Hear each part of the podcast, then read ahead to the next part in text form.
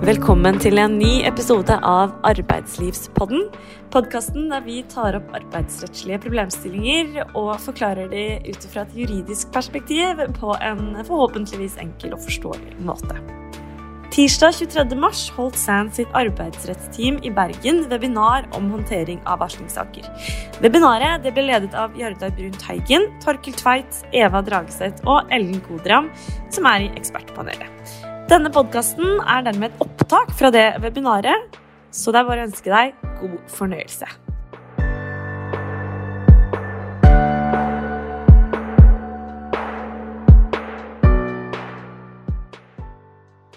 Varsling. Hvorfor velger vi å ta opp dette? Jo, det er fordi vi ser, og dette har vi erfart over tid, at varslingssaker det er forbundet stor risiko med håndteringen av disse sakene for virksomheter. Det gjelder både innenfor det private og det offentlige. Trår man feil i disse sakene, så har man en risiko både med tanke på internt arbeidsmiljø, man har en omdømmerisiko som er betydelig, og som vi òg skal være innom, det kan òg resultere i erstatningsansvar om man trår feil. Så vår erfaring er at dette temaet, det om du er liten eller stor som virksomhet, så må du ha erfaring om de praktiske problemstillingene som dukker opp. Og vi ønsker i dag å dele litt av typiske tilfeller, typiske vanskelige problemer som vi har erfart og vært borti, eh, og hvor vi da forhåpentligvis kan gi deg noe guidance på dette temaet. Så det gleder vi oss til. Veldig bra. Da er vi i gang, og jeg tenker vi må begynne med det helt grunnleggende. Altså når foreligger det et varsel? Altså hva er egentlig et varsel? Og da vil jeg gjerne spørre deg, Eva. Hva er et varsel? Ja, varsling i arbeidslivet det er at en arbeidstaker sier fra om kritikkverdige forhold på egen arbeidsplass. Og når vi sier arbeidstaker, så er det både de fast ansatte og de innleide arbeidstakerne. Eh, hva som kan varsles om kritikkverdige forhold, det kan være brudd på eh, lover og regler. Det kan være brudd på virksomhetens interne skriftlige eller etiske retningslinjer. Eller det kan være brudd på mer eh, allmenne eh, etiske eh, forhold. Og så er det sånn at eh, hvordan man melder fra, det er ikke noe krav til at det skal være et skriftlig varsel. Eh, et varsel kan komme i mange former, også muntlig. Men det avgjørende er innholdet i det man da eh, sier. Og det er det som avgjør om det er et varsel. Og det er jo viktig å merke seg for den som er leder. Så er det sånn at Varslingsregelverket det skal jo bidra til å gi et godt og konstruktivt eh, ytringsklima, sånn at man kan slå ned på kritikkverdige forhold i arbeidslivet. Og Da er det jo naturlig å stille spørsmålet hva ligger under dette kritikkverdige forhold? Ellen? Ja, jeg kan si eh, litt mer om det, Eva. Du var inne på det. Men merker jo det at det vi snakker om, er kritikkverdig forhold i arbeidsgivers virksomhet. Så det er på en måte en grei, grei startpunkt når vi snakker om varsling i arbeidsmiljølovens forstand. Og så er det et veldig stort spenn. Arbeidsmiljøloven snakker om kritikkverdige forhold, men så inneholder den noen eksempler. Men Det er ikke uttømmende, men den sier noen eksempler. Altså er det fare for liv eller helse? Klima- eller miljøspørsmål? Korrupsjon, eller er det annen økonomisk kriminalitet? Er det et uforsvarlig arbeidsmiljø? Er det trakassering? Alle disse tingene innenfor dette store, store spennet er å anse som mulige kritikkverdige forhold. Eh, så, så det er, er, det som er rettesnoren, og en ganske vid rettesnor for eh, en arbeidsgiver når man skal vurdere den meldingen man har fått inn. Hva er det dette handler om? Og da er det jo også spørsmål hva er ikke et varsel, eller hva er ikke et kritikkverdig forhold. Og det står det også noen ting om i forarbeidene til denne loven. Og altså er det en ytring om ting som kun gjelder en arbeidstakers eget forhold, type misnøye med lønn, helt alminnelige samhandlingsutfordringer med en kollega, eh, er det faglig uenighet om et spørsmål? Ja, de tingene de er ikke å anse som innenfor denne varslingssfæren. Det betyr jo ikke at eh, den ansatte ikke har rett til å ytre seg om det, men da skal ikke man, må ikke man behandle det etter varslingsreglene, og man er ikke inne i den delen av loven. Men så har du jo det som vi erfarer, egentlig. Det er jo nettopp um, um, dette her. For det står også i loven at dersom det som gjelder en melding, noe som gjelder ens eget arbeidsforhold, også kan være noe som er kritikkverdig, altså etter den listen som, som står, altså den eksempellisten som vi var igjennom, ja, da er det likevel et varsel. Det helt klassiske eksempel på det er hvis man får en melding fra en ansatt om at den ansatte mener seg utsatt for trakassering, mobbing. Ja, OK, det gjelder ens eget arbeidsforhold, men det er også et kritikkverdig forhold. Så da er vi innenfor varslingsregimet igjen. Så det, det, er på en måte det som er det enkle og det vanskelige svaret. Det gjelder det meste, men så må man gjøre noen innledende vurderinger før man eh, lander på hvordan og hvilket regime man skal eh, behandle det etter. Så sånn kort for å oppsummere før vi går videre. Det som ikke handler om et varsel i arbeidsmiljølovens forstand, det er da faglig og politisk uenighet. Typisk uenighet om budsjettdisponeringer, eh, hvordan man skal drifte. Eh, og det handler òg om at det ikke er et varsel hvis arbeidstakeren tar opp forhold knyttet til eget arbeidsforhold. Typisk krangel om lønn, krangel om hvem som skal gjøre hva, uenighet i personaloppfølging. Det er ikke et varsel om arbeidstakeren kritiserer den type forhold. Men som Ellen sa, grensen går ved der arbeidstakeren påpeker uforsvarlig arbeidsmiljø for egen del, trakassering, mobbing og annet. Da er det et varsel. Veldig bra. Da har vi fått litt klarere for oss hva et varsel kan være. Um, jeg ønsker likevel å illustrere det med eksempel for å få enda tydeligere fram hva et varsel kan være.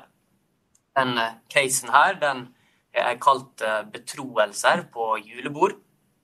Og På sliden så ser dere bilde fra en fest, nærmere bestemt eh, sånn vi husker julebordene fra tiden før korona. På godt og vondt, får man si. Um, og på bildet da så ser dere markert Marte, som er sjef i virksomheten og Peder, som er en eh, noe godt påseglet eh, regnskapsmedarbeider. Så hvis dere ser for dere at når klokka bikker to på det julebordet her, så forteller da Peder til Marte at han har funnet noen mistenkelige fakturaer som han mener peker mot eh, økonom, økonomisk kriminalitet i virksomheten.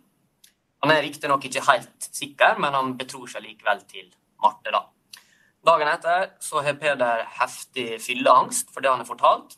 Og han ringer da til Marte for å si at han angrer på det han sa, og så ber han også om at hun glemmer alt han fortalte. Og da lurer jeg på, foreligger det her et varsel? Ja, jeg kan jo ta ordet, jeg, da. Jeg vil bare plukke opp én ting du, du sa før jeg går inn på det. Du sa at han var ikke helt sikker. Og det er egentlig også en viktig ting å ha med seg både for arbeidsgiver, men også for en arbeidstaker som vurderer å varsle. Det er ikke noe krav om at man må være helt sikker på at det er et kritikkverdig forhold for at, man, altså at varslingsregimet gjelder. Så varsler man i tråd med det skal vi komme inn på, men i tråd med de fremgangsmåtene som, som følger av lov og retningslinjer, så man for, har man fortsatt dette vernet, og man skal vernes. Men for å gå inn på han Peder og Marte, da.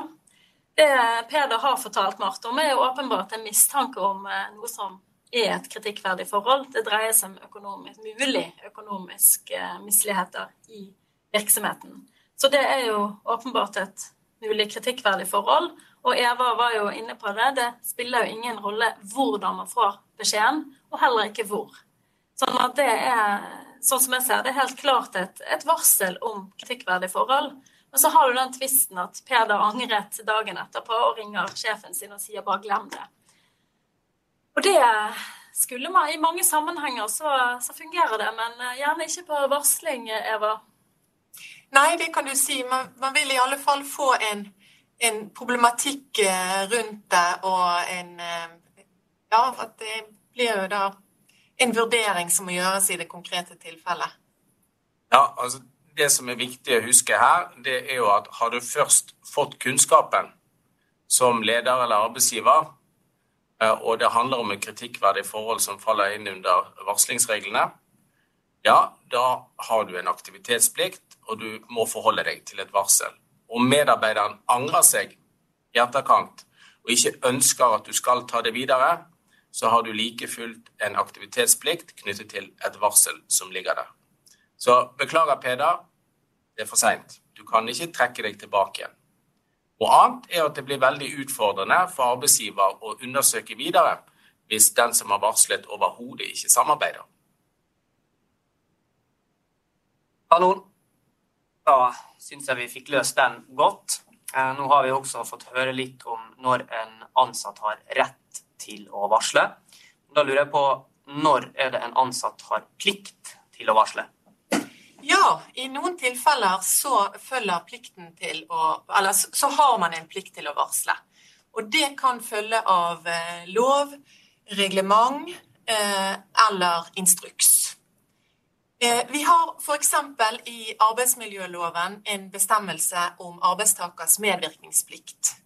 Og i den bestemmelsen så er det tre forhold som gir grunnlag for en plikt til å varsle.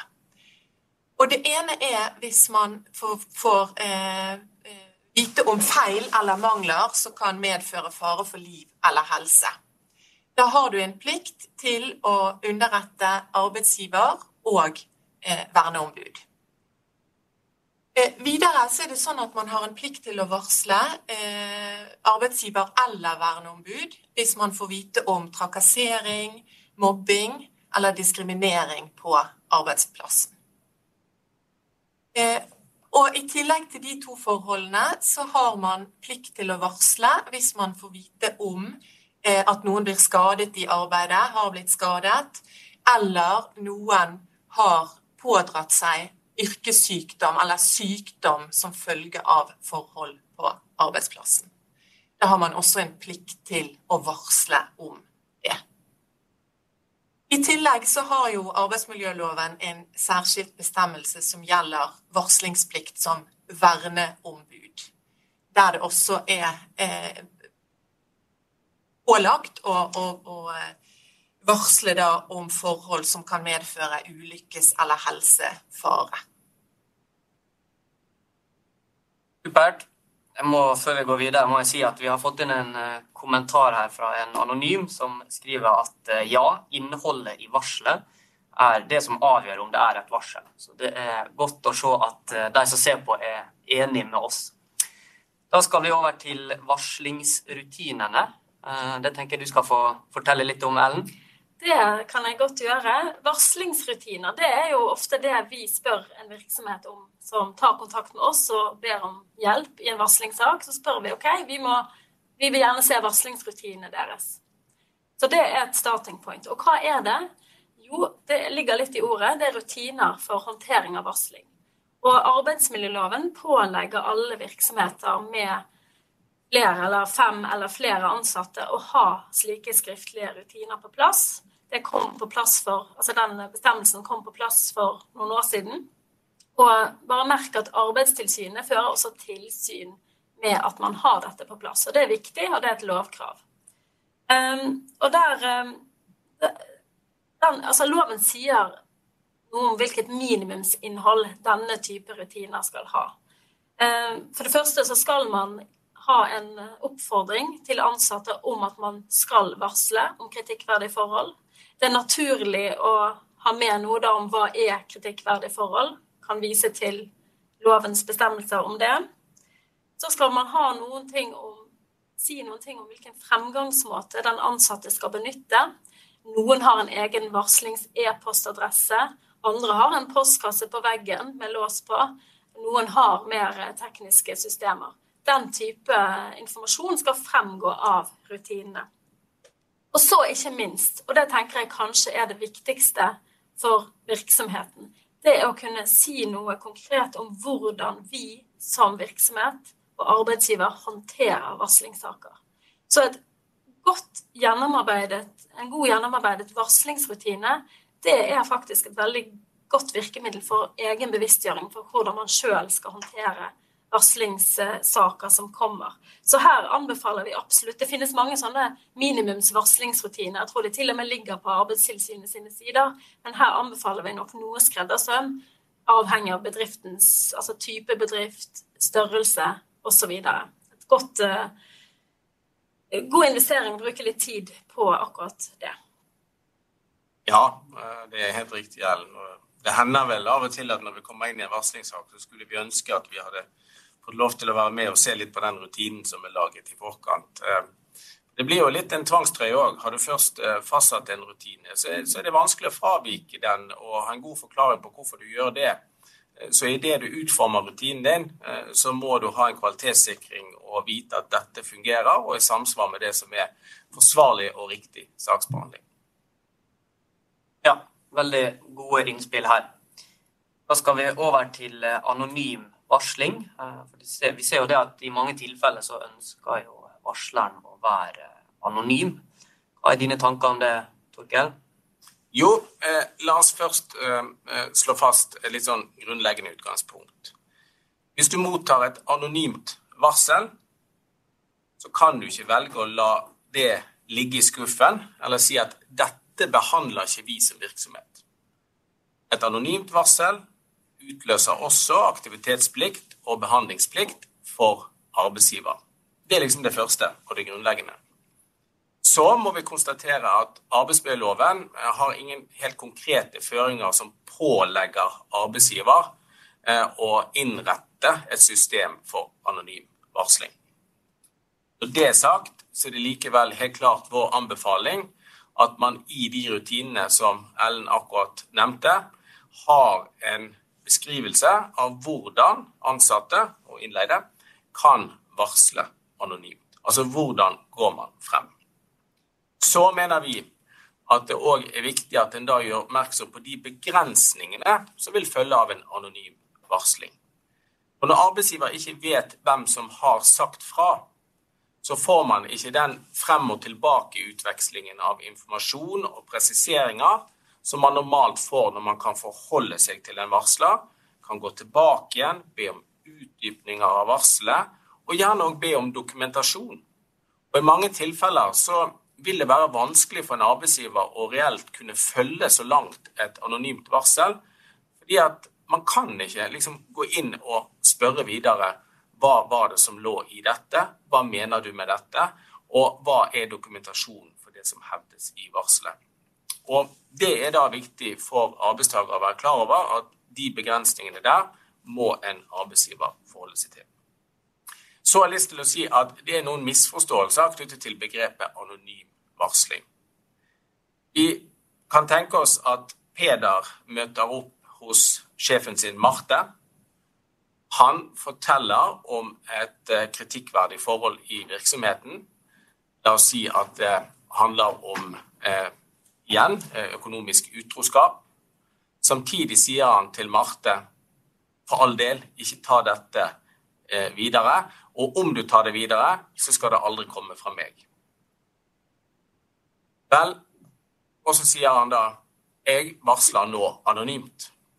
Og det er noen som tenker det at de kan presisere når de, når de møter oss ledere og sier at dette varsler jeg anonymt om. Men du varsler ikke anonymt. Du har stått frem. Vi vet hvem som har varslet. Vi kjenner til din identitet, og da er det ikke et anonymt varsel. Og i veldig mange tilfeller, som klar hovedregel, er det heller ikke mulig for arbeidsgiver å love at man skal bli behandlet anonymt i behandlingen av varselet. Typisk trakasseringssaker. Den som er anklaget, må jo på en måte få vite hva er det jeg er anklaget for, hvilke hendelser handler det om, og det vil jo være enkelt ofte å identifisere hvem som har sagt fra, ut fra hva varselet gjelder. Så som leder så kan du ikke gå ut og love noen anonymitet som har stått frem og sagt fra. Det vil være feil. Noe annet er at du kan love konfidensialitet. At dette skal ikke komme på flere ører og munner enn helt strengt nødvendig for vår behandling av varselet. Veldig bra. Skal vi over til å snakke litt om trakassering. Det er jo fort gjort å forbinde da varslingssakene nettopp med trakasseringssakene. Eh, men hva, da lurer jeg på, hva er egentlig trakassering? Ellen? Ja, trakassering Vi leter jo ofte i loven vi etter definisjoner av eh, sånne typer begreper, og den finner man ikke i arbeidsmiljøloven. Men det er da tatt inn en definisjon likestillings- og diskrimineringsloven. Den er jo på en måte litt, den omfatter mye, men eh, oppsummerer så med trakassering så snakker man da om, om handlinger og unnlatelser også, eller ytringer som har til formål eller virkning å være krenkende, skremmende, fiendtlige, nedverdigende eller ydmykende eller plagsom. Så det rommer ganske mye ubehag, dette begrepet her. Og i dagligtalen så snakker man jo typisk om mobbing da når man, man, er på en måte i arbeidslivet. Men så har man selvfølgelig mange andre grunnlag for trakassering eh, også, så det skal vi jo eh, ha i mente. Men det er, det, det, det, det er mobbingen. Det er mobbingen vi, vi snakker om. Mm, ok, Og seksuell trakassering, da? Hva, det er noe annet igjen? Ja, altså Det er jo innenfor trakasseringsbegrepet, men da handler det jo om seksuell oppmerksomhet som, som, eh, som da også har til formål eller virkning å virke krenkende osv. Ønsket seksuelt. Ja, det må også være uønsket. Det er definert. Men da er man altså innenfor hele spekteret. Helt fra det der uh, wolf whistle når du går fra å hente kaffen, til alvorlige overgrep. Og innimellom der kanskje litt tafsing på julebordet. Altså hele spekteret der. Eh, kommentarer, vitser. Alt det kan også være seksuell trakassering. Og her har jo Høyesterett akkurat eh, før jul kom eh, Høyesterett med en avgjørelse som sier noen ting mer om de grensene der. Og, um, og gjør i den saken Skal ikke bruke tid på å gå inn på den dommen, men der gjør man en vurdering av hele situasjonen rundt. Og det er jo på en måte nøkkelen kanskje i trakasseringssaker. Både enten det gjelder de klassiske mobbetilfellene, eller om vi er over på trakassering, seksuell trakassering så er det et helt situasjonsbilde og et bevisbilde som må vurderes på en riktig og forsvarlig måte før man kan eh, handle som arbeidsgiver. Så den type saker, arbeidsmiljøsaker, er jo vi inne i som rådgivere, nettopp for å sikre at den prosessen eh, blir best mulig, da. Mm, mm. Så kan vi jo kanskje si litt om hva som ikke er trakassering òg. For det er, jo, det er, jo, sånn at eh, det er ikke alt som er plagsomt og irriterende, som er trakassering. Det må en viss alvorlighetsgrad til eh, før man er innenfor trakasseringsbegrepet. Så, så er det ikke noe mulig å sette to streker under svaret her, for det kan jo være enkeltstående hendelser eller ytringer som også kan være trakasserende. Men så kan det godt hende at man må tåle noen at noen tilfeller med at noen himler eh, med øynene av det du sier i et møte, og har et litt sånn ubehagelig kroppsspråk mot deg før man kan begynne å sette merkelappen trakassering på. Så litt skal man tåle, men så går det en grense. Bare, bare spørre deg, Ellen. Er, er det, opp til meg å definere hvis jeg mener meg trakassert? Er det opp til meg alene? Ja, og Det er jo kanskje det som er litt vanskelig i disse sakene, for det er todelt. For det må jo på en måte oppleves eh, krenkende før, før, det er en sak. Så ja, har, man skal jo ta utgangspunkt i også en subjektiv opplevelse, men nei, man må også ha en viss objektiv norm på det. Så, så, så det er en todelt eh, greie der. Men, men, det er klart at eh, det gjør jo kanskje de sakene ekstra vanskelige. Ja. Uh, så det betyr at hvis jeg er spesielt sår Mm. Eh, og jeg har en norm for når jeg kjenner meg plaget som ikke andre mennesker vil kjenne seg igjen i, så er det ikke opp til meg å definere det. Det er riktig, ja. Um, en ting som vi kan merke oss bare før vi går videre her når det gjelder trakassering, det er jo det at eh, det er handlinger, unnlatelser eller ytringer som har som formål eller virkning å være plagsom, krenkende osv. Så, videre. så det med virkning, det betyr at det trenger ikke være sånn at min intensjon var å plage noen. Jeg kan skrive ufine e-poster til kvinnelige kollegaer eh, med en sjargong som er i mitt eh, i, i mine tanker morsomme, men som andre syns er seksuelt krenkende, og ut fra sin ordlyd helt upassende, og de går gjerne på kjønn og med videre. Så selv om min intensjon var bare å være morsom, og jeg ville ikke plage noen, så hvis objektivt sett noen ser på det jeg har skrevet og sier vet du hva, dette er plagsomt, dette er krenkende, dette er ydmykende, så nytter det ikke om min hensikt var god. Så har du også tilfeller hvor eh, altså, det kan være la oss si, seksuell oppmerksomhet som, eh, som, kan være helt eh, OK i noen tilfeller, men så får man beskjed om at 'jeg syns ikke dette var noe kjekt'. Eh, jeg vil ikke ha flere invitasjoner på kaffedate etter jobben. Det, jeg er ikke interessert. Fortsetter man da, så er man også over i trakassering, selv om det var ment som en hyggelig gest i utgangspunktet. Mm. Sånn at man må jo på en måte ta hint òg, da. Og så har man dette med maktbalanse osv. som man må ha med bak øret. Ja, det er jo veldig viktig. Nå har vi har fått en spørsmål her fra en som tydeligvis har lest litt om denne uh, trakasseringsdommen, som, som lurer på om vi er enig i at den nedre grensen blir satt ganske lavt for hva som anses som seksuell trakassering? Ja, den er satt lavt, og det har uh, Høyesterett uh, gjort, og det må vi forholde oss til Den er helt riktig satt meget lavt. Mm. Veldig bra. Eh, du Torkel, du nevnte i stad det her med arbeidsgivers handlingsplikt. Så du kan fortelle litt mer om den? Ja, det kan jeg gjøre. Eh, og dette forklarer litt hvorfor er vi opptatt av at dere som arbeidsgivere, eh, ledere, skal kunne identifisere et varsel. Altså hva er et varsel? Vi brukte jo den første delen på å si når har du et varsel? Og jo, det er viktig fordi at når du har fått et varsel etter arbeidsmiljølovens regler, så utløser det en handlingsplikt for arbeidsgiver. Det betyr at du som leder må være trent til å vite hva er et varsel, og hvordan plikter jeg å følge opp. Og Det arbeidsmiljøloven peker på som helt grunnleggende, det er at du plikter å iverksette undersøkelser og få undersøkt varselet innen rimelig tid. Altså Det skal ikke strekke ut for langt i tid. Det betyr at du kan ikke være helt passiv og la det gå ukevis før du foretar deg noen ting. Det vil ikke være en undersøkelse innen rimelig tid, fordi at du da stanser opp og lar det bare ligge. Så her må en på en måte iverksette. Og det vi anbefaler først og fremst, hvis varsleren er kjent, det er at man gir en bekreftelse tilbake til varsler på at vi har mottatt ditt varsel, og vi vil iverksette undersøkelser. Så vil en gjerne gjøre en forundersøkelse av varselet, snakke nærmere med varsler, forutsatt at den er kjent, og en vil gå gjennom prosessen. Hva tenker vi nå fremover? Er det noen enkle kilder å snakke med, så starter man gjerne òg der. Så da er du i gang med undersøkelsen. Du viser at du tar handlingsplikten din, undersøkelsesplikten, på alvor.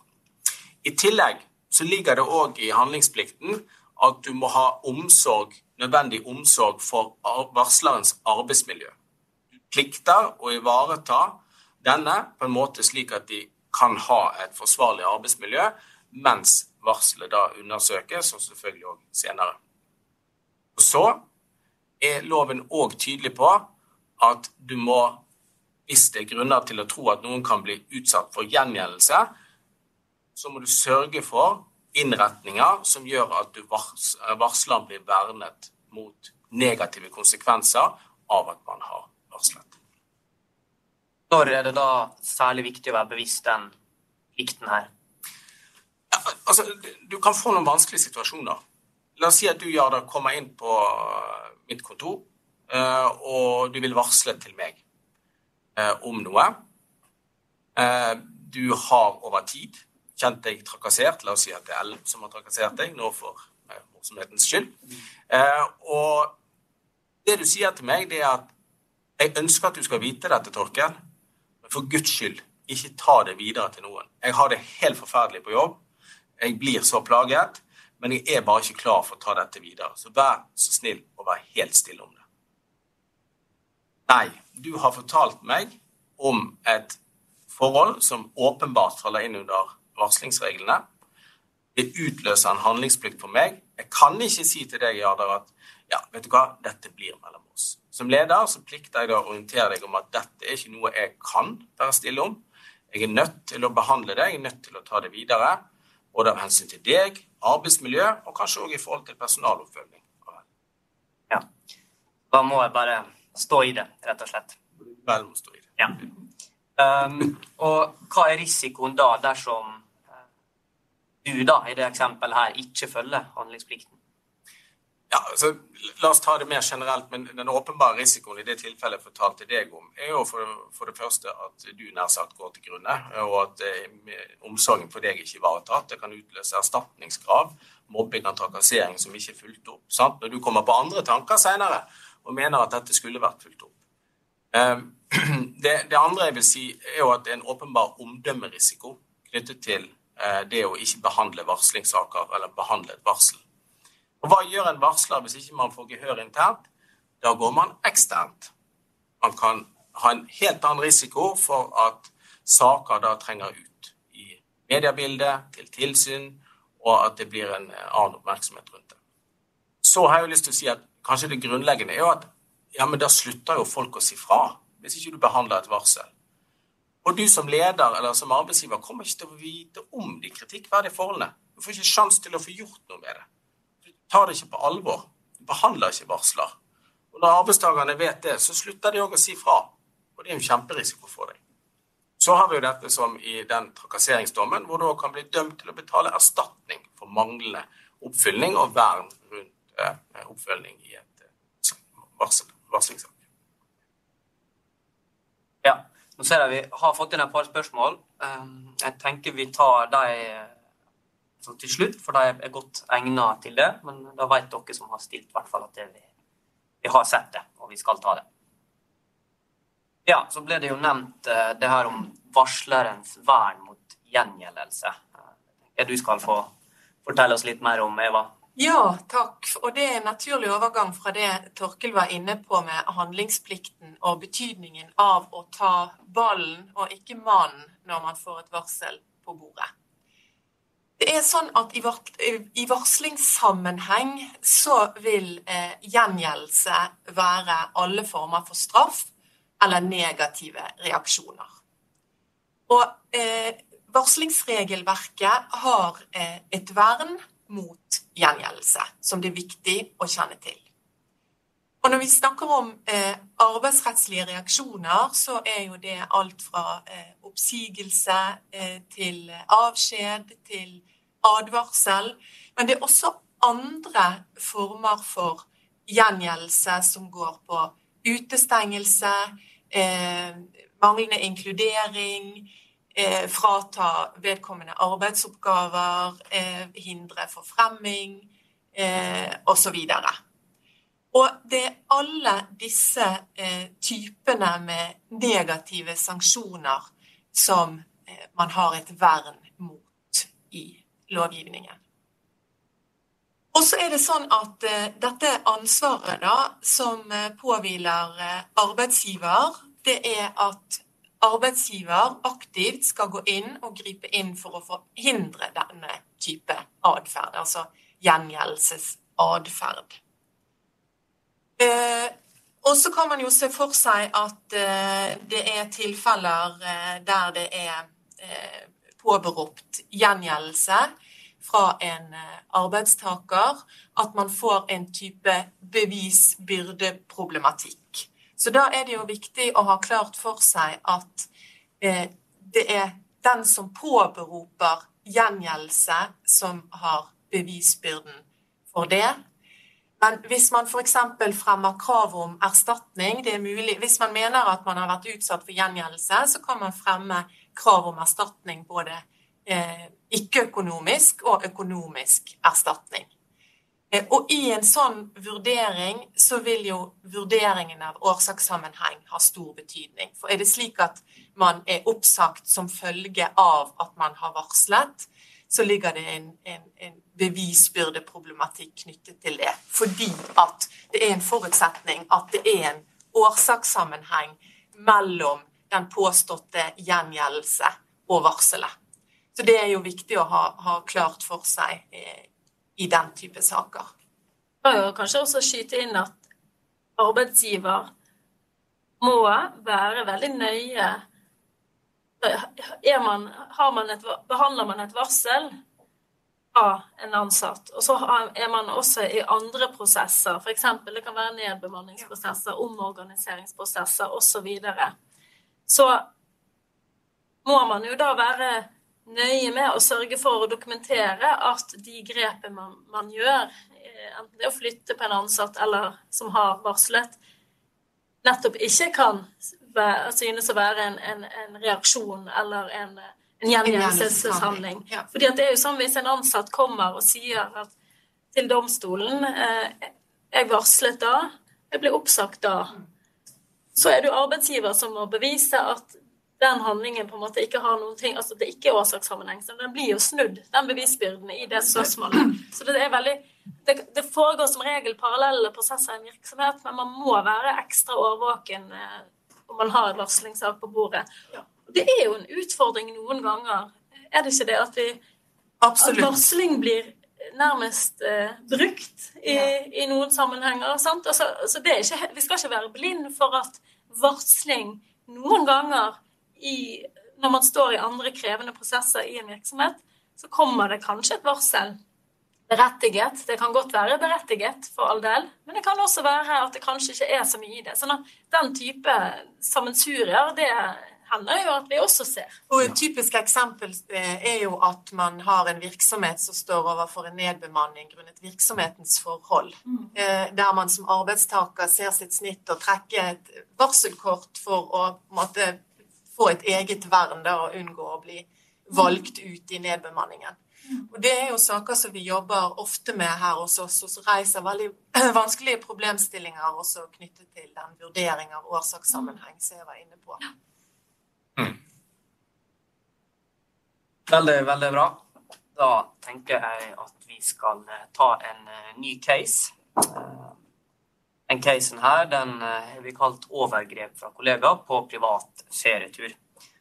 På bildet så ser dere en vennegjeng som feirer nyttår i utlandet, f.eks. i London. Det er en privat reise, men flere i vennegjengen her er også kollegaer. da. Og på nachspielet etter festen så blir Marte utsatt for et seksuelt overgrep av kollegaen Peder. Ingen som får vite om overgrepet før Marte, så, Marte betror seg til, til sin nærmeste leder Trine noen dager etter turen. Da lurer jeg på, Foreligger det her varsel? Ja, vi, vi, kan starte med, med liksom å se litt på det du nå har fortalt om. Ja, For det, dette er jo to kollegaer, eh, som ellers også er venner, som er på en privat ferietur. Så hørte vi jo innledningsvis at skal det være snakk om et varsel, så må det handle om kritikkverdige forhold i arbeidsgivers virksomhet, eller på arbeidsplassen, på en måte. Eh, og da kan vi spørre oss liksom først Ja, men når, når disse to kollegaene da drar på en privat ferietur, og den ene utsetter, utsetter den andre for et eh, utgangspunktet da alvorlig, eh, absolutt forhold. sant? Vi vet jo ikke hva som har skjedd, men det er i hvert fall Marte sin påstand. Og så kommer en da tilbake og forteller om dette til arbeidsgiver. Kan arbeidsgiver da si at ja, men dette skjedde jo på privaten? Eh, jeg, jeg, kan jo ikke ha noe med dette. dette. Dette er jo ikke noe varsel. Det vi må huske her, det er at det er mellom to kollegaer. Begge er arbeidstakere i virksomheten. Den ene sier at noe traumatisk har skjedd meg. Og den som er overgriper, det er en kollega som også er din arbeidstaker, og som du har et ansvar for. Og jeg sier at den kollegaen har begått et straffbart forhold, og din arbeidstaker har gjort det da er det veldig sikkert egentlig at det handler om et varsel, fordi at dette er rettet fra en arbeidstaker mot en annen arbeidstaker i din virksomhet. Det har nødvendig tilknytning til virksomheten, og det handler om et mulig straffbart forhold. Så her må du behandle det som et varsel, selv om det er noe som har skjedd på fritiden. Om dette skjedde, om overgrepet som fortelles om skjedde på arbeidsstedet eller i fritiden, det er ikke avgjørende her. Men si at man, hvis man justerer litt på, på faktum her, da, og sier at den som blir utsatt eh, for overgrepet, er en annen person i vennegjengen, men ikke en kollega, vil det seg annerledes da? Altså, det er jo grunnleggende at den som sier fra, må være arbeidstaker eller innleid. Altså for at du skal ha en aktivitetsplikt knyttet til det. Så om noen som ikke har vært Som, som ikke er i din virksomhet, ikke sier, eller sier fra, mm, mm. Så, så, er det klart at eh, det er jo ikke et varsel fra en arbeidstaker eller en innleid. Mm. Eh, men du kan jo likevel ha fått et varsel om at noen i din virksomhet har utøvd kriminell virksomhet. Mm.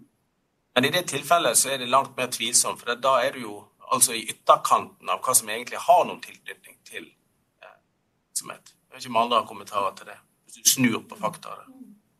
Nei, jeg deler den oppfatningen der. at da, da har man jo ikke egentlig mottatt et varsel. Mm. Man da bør handle på andre måter og på annet grunnlag, det er nå en annen sak. Men uh, ikke som et varsel.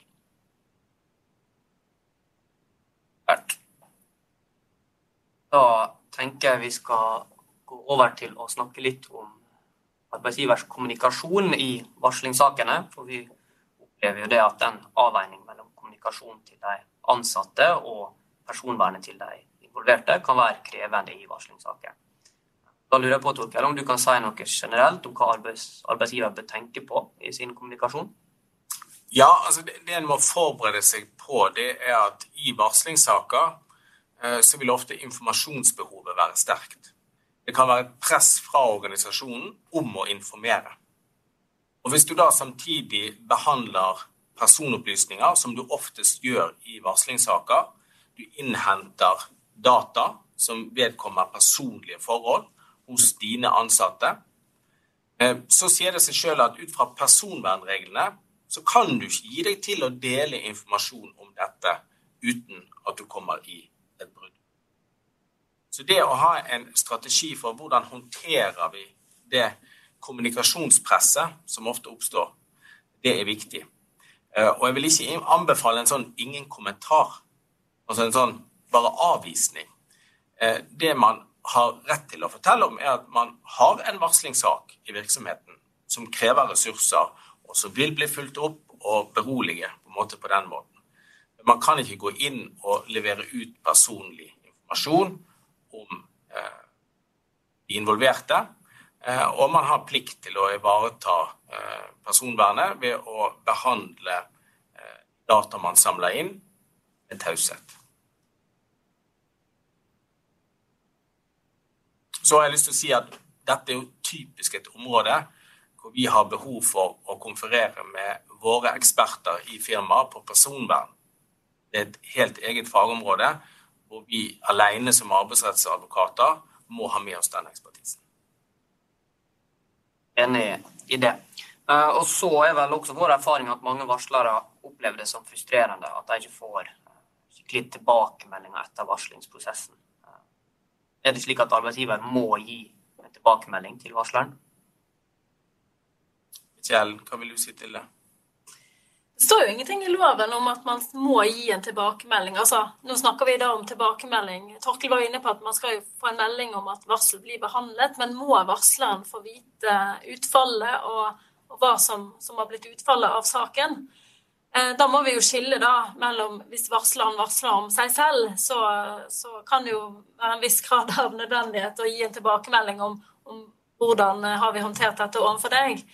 Eh, men handler det om andre, så har man varslet om andre forhold, altså økonomisk kriminalitet, eh, det kan være trakassering av andre osv., så, videre, så er det på ingen måte gitt at man har verken plikt eller rett til å gi den type tilbakemelding til en varsler på hva, hva har utfallet vært. Og i eh, arbeidsmiljøkonflikter, så er det mobbesaker, trakasseringssaker, så er det den nærliggende oppfølgingen kan være arbeidsrettslige sanksjoner Eh, om det er advarsler eller omplasseringer, eh, oppsigelse eller avskjed, så det er klart at det er jo personalmessige forhold som ingen har noen ting med, egentlig. Man vil jo gjerne registrere at vedkommende ikke er der lenger, men hvorfor, det, det har man egentlig ikke anledning til å si noe om. Eh, men jeg syns at det her også er vanskelig, fordi at for å komme videre i virksomheten, så er det jo noe med å skape ro. Så en viss form for kommunikasjon med varsleren og man tar en prat, et møte, og prøver å trygge varslerne på at dette har vi håndtert på en god måte. Det tror jeg er viktig. Og nettopp å gjøre det gjennom en samtale for å egentlig få lukket saken. Eh, for ellers så kan den usikkerheten hos denne varsleren, hvis den får leve videre, så er ikke det noe nødvendigvis et gode for, eh, for virksomheten heller. Ja. Og som du sier, Ellen, altså i det handler om arbeidsmiljø eh, som er varslet om, eh, uforsvarligheter der, eh, det kan være at varsleren selv varsler om trakassering i en eller annen form, da vil den klare hovedregelen at det bør være en tilbakemelding til varsler med tanke på hvordan dette er behandlet og vurdert. Eh, og det har òg noe med dokumentasjon for at man har handlet med de pliktene man har. Sant? At man kan vise til at vi har gjort undersøkelser, vi har gjort vurderinger, og vi har kommet frem til følgende.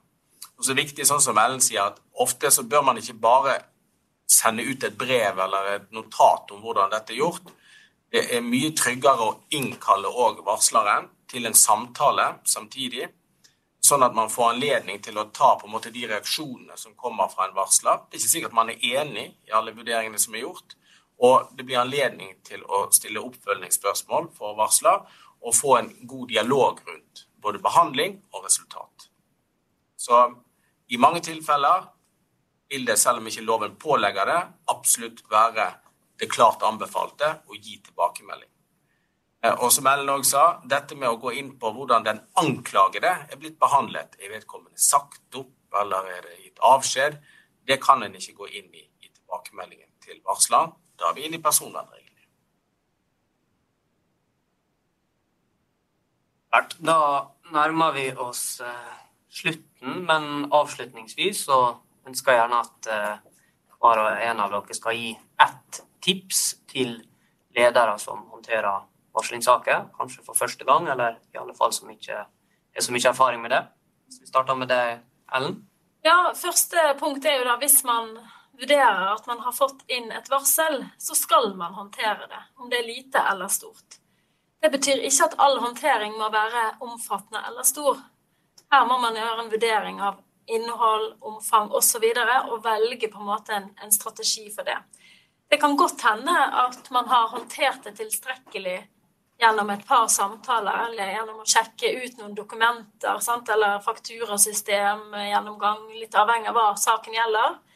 Eh, noen ganger så må man kanskje skalere opp litt. Grann. Kanskje hente inn rådgivning eh, ja, etter ønske. Altså, typisk saker vi er inne i, så er vi jo med som rådgiver for arbeidsgiver altså i deres håndtering. Men at det er arbeidsgiver som på en måte, virksomheten som holder i saken og håndterer saken, så er vi med eh, og, og, bistår med den prosessen. Det kan være nyttig i eh, noen sammenhenger.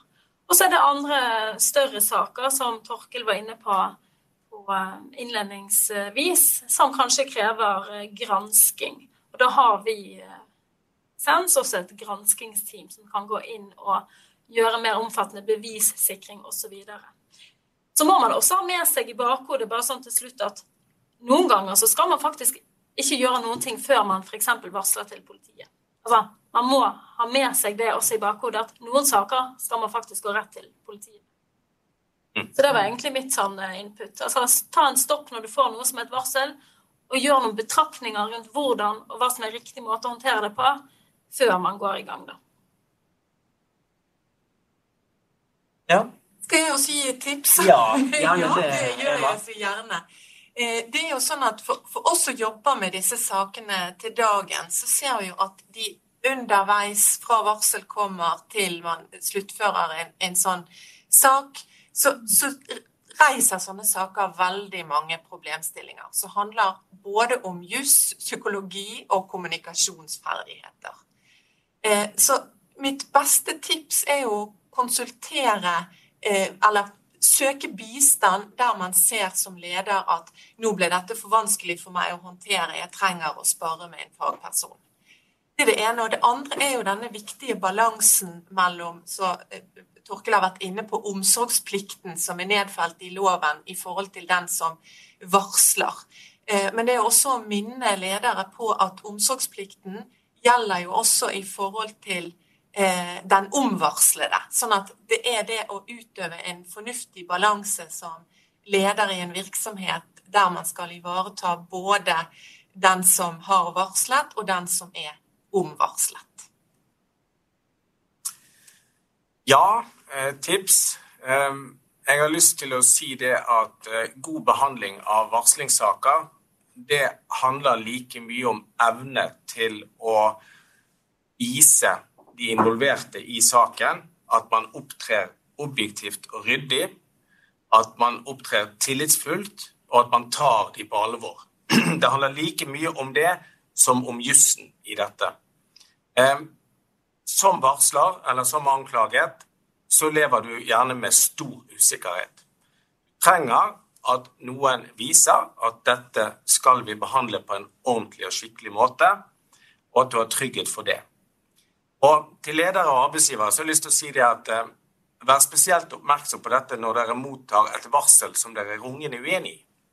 Eh, som dere kanskje i utgangspunktet tenker nei, det kan aldri være sånn at Peder har gjort dette mot Marte. Pass da på objektiviteten, og pass på å ta begge sider på alvor og følg rutinene selv om du er uenig. Og Noen ganger så må du kjenne på din egen habilitet. Er jeg den rette til å behandle dette, eller bør jeg sende det videre til noen som har nødvendig distanse til å lede behandlingen av dette varselet? Det er også et godt tankekors å gjøre seg. Supert. Tre gode, konkrete tips der. Da går vi over til eh, en liten spørsmålsrunde, for vi har fått inn eh, en del gode spørsmål fra de som ser på. Um, jeg tenker vi tar et som gjelder den siste casen vi hadde om den turen til London eh, først. Der er det en som spør hva hvis saka gjelder et påstått overgrep begått på fritid mot en tilsett av en tilsett i, tilsett i et samarbeidsfirma eller en annen person som ikke er tilsatt, men har en relasjon til arbeidsplassen gjennom samarbeid. Ja, det var litt vanskelig å henge med i relasjoner her. Ja, jeg tror Poenget er at den som har utført uh, overgrepet, ja. uh, er en person som jobber hos en samarbeidspartner. En kunde, f.eks.? Typisk en kunde eller en leverandør ja. eller ja. noe sånt på, på, en Jo, la, la, meg være veldig tydelig der. Uh, hvis en arbeidstaker kommer til deg som arbeidsgiver og sier at en kunde eh, har utøvd overgrep eller plager eller fortsetter å plage meg. Eh, og om det skjer på fritid eller eh, om det er i arbeidssituasjonen, så må du som arbeidsgiver ta grep både med tanke på å forebygge at det ikke skjer igjen, og behandle det som et varsel. Og Da melder egentlig din arbeidstaker fra om at en kunde eller samarbeidspartner trakasserer vedkommende. Det var jo nettopp det som skjedde egentlig i denne høyesterettsdommen hvor det var kunder som utøvde dette plagsomme overfor arbeidstakeren, eh, den unge kvinnelige bilmekanikeren, eh, og hvor arbeidsgiver forholdt seg passiv. Og litt sånn typisk eh, ansatte i serveringsbransjen i julebordsesong. Det er jo ikke ukjent at det kanskje er kunder som faktisk utfører den trakasseringen i løpet av en kveld når promillen stiger. Så det at gjestene i restauranten tafser på dine ansatte, ja, det er et varsel som skal håndteres som et varsel. Mm. Veldig bra. Så har vi et spørsmål uh, her Anonym har spurt. Hva med de tilfellene hvor varsler sykemelder seg etter at varselet er sendt, og man er avhengig av å snakke med, behand, nei, unnskyld, med varsler for å behandle varslene? Jeg kan jo starte med at Det at man er sykemeldt, gjør jo ikke nødvendigvis at man er ute av stand til å snakke. Sånn at det kommer jo an på altså, Det kommer jo litt an på sykemeldinger. Altså, ligger du i koma, så du, er det vanskelig å gjennomføre en samtale. Men det, det handler jo litt om som i sykefraværsoppfølgingssaker, egentlig, at, at uh, er man i stand til å ha en samtale, så spiller det egentlig ikke så stor rolle om du er sykemeldt eller ikke. Så da snakker vi kanskje mer om kan jo like godt snakke om hvis varsler ikke ønsker å gi flere opplysninger, ikke ønsker å samarbeide. At det er egentlig det som er, som er spørsmålet. Ønsker man? Altså kan man, altså rent fysisk? Og ønsker man? Og har man egentlig en plikt til å bistå? Sant? Det er jo ja, i noen tilfeller vil en jo ha det som, som Eva var innom. Altså de tilfeller hvor du observerer trakassering, diskriminering eh, eller eh, fare for liv og helse. I, I, de tilfellene så, så, vil du jo måtte eh, delta i informasjonshentingen med de opplysningene du har. Eh, men eh, til det spørsmålet som kom der, så har jeg lyst til å si at vi må huske på tidsaspektet. Loven sier at det skal undersøkes innen rimelig tid. Og i noen tilfeller må man akseptere å utsette undersøkelser fordi at typisk varsler er syk eller sånn. Da har ikke man gjort noe galt så langt man har ventet på å få innhentet den informasjonen når det er mulig. Så jeg har lyst til å si at det, det er jo selvfølgelig andre undersøkelser man sikkert kan gjøre samtidig som man venter på den varsleren. Det kan jo hende. Kunne man tilbudt bedriftshelsetjeneste i et sånt tilfelle?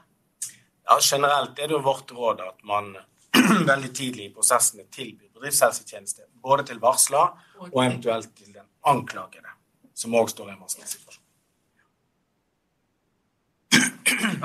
Da skal du få det siste her, eh, Eva. Eh, er det Hvor er det arbeidsgiver oftest trår feil i sånne varslingssaker? Litt, litt vanskelig å svare konkret på. Eh, spørsmål. Ja. ja. hvor er det Man får litt innspill fra, fra dere hvor man oftest trår feil. Altså, vi ser jo alle varianter av problemstillinger her hos oss. Um, jeg tenker litt feil fra hoppkanten. Ja, ja. Start inngangen, mangle objektivitet. Ja, og det er jo vi veldig opptatt av, det der med å løse det på laveste trinn i konflikttrappen, som vi pleier å si. Altså ta, ta det tidlig, eh, kommunisere det ordentlig. Ja. Vær oppmerksom på den formen for kommunikasjon som er direkte ansikt til ansikt, som en mye bedre kommunikasjonsform enn e-post. Så, så, kanskje sakene kommer skjevt ut. Ja, ja så, akkurat sånn. Det, det er òg mitt inntrykk. At man ikke evner å med en gang ta på seg den rustningen at nå skal vi undersøke dette på en objektiv og god måte, men bevisst eller ubevisst egentlig avslører enten for varsler eller for anklaget at man ikke har nødvendig objektivitet og ikke innstilt på å gjøre dette på den ordentlige måte da har du på en måte tatt bort en del av det hele fundamentet for at varsler og anklaget har tillit til den prosessen du har tenkt å gjennomføre. Vanskelig spørsmål, men uh, veldig gode svar rundt bordet her. Uh, da tror jeg vi har kommet uh, i mål. tusen takk for veldig gode spørsmål. Det er alltid kjekt å få innspill og spørsmål fra dere som ser på. Vi er til og med nesten på tida, så da gjenstår det bare å runde av. Takk for i dag. Takk for i dag. Ha det godt. Ha det.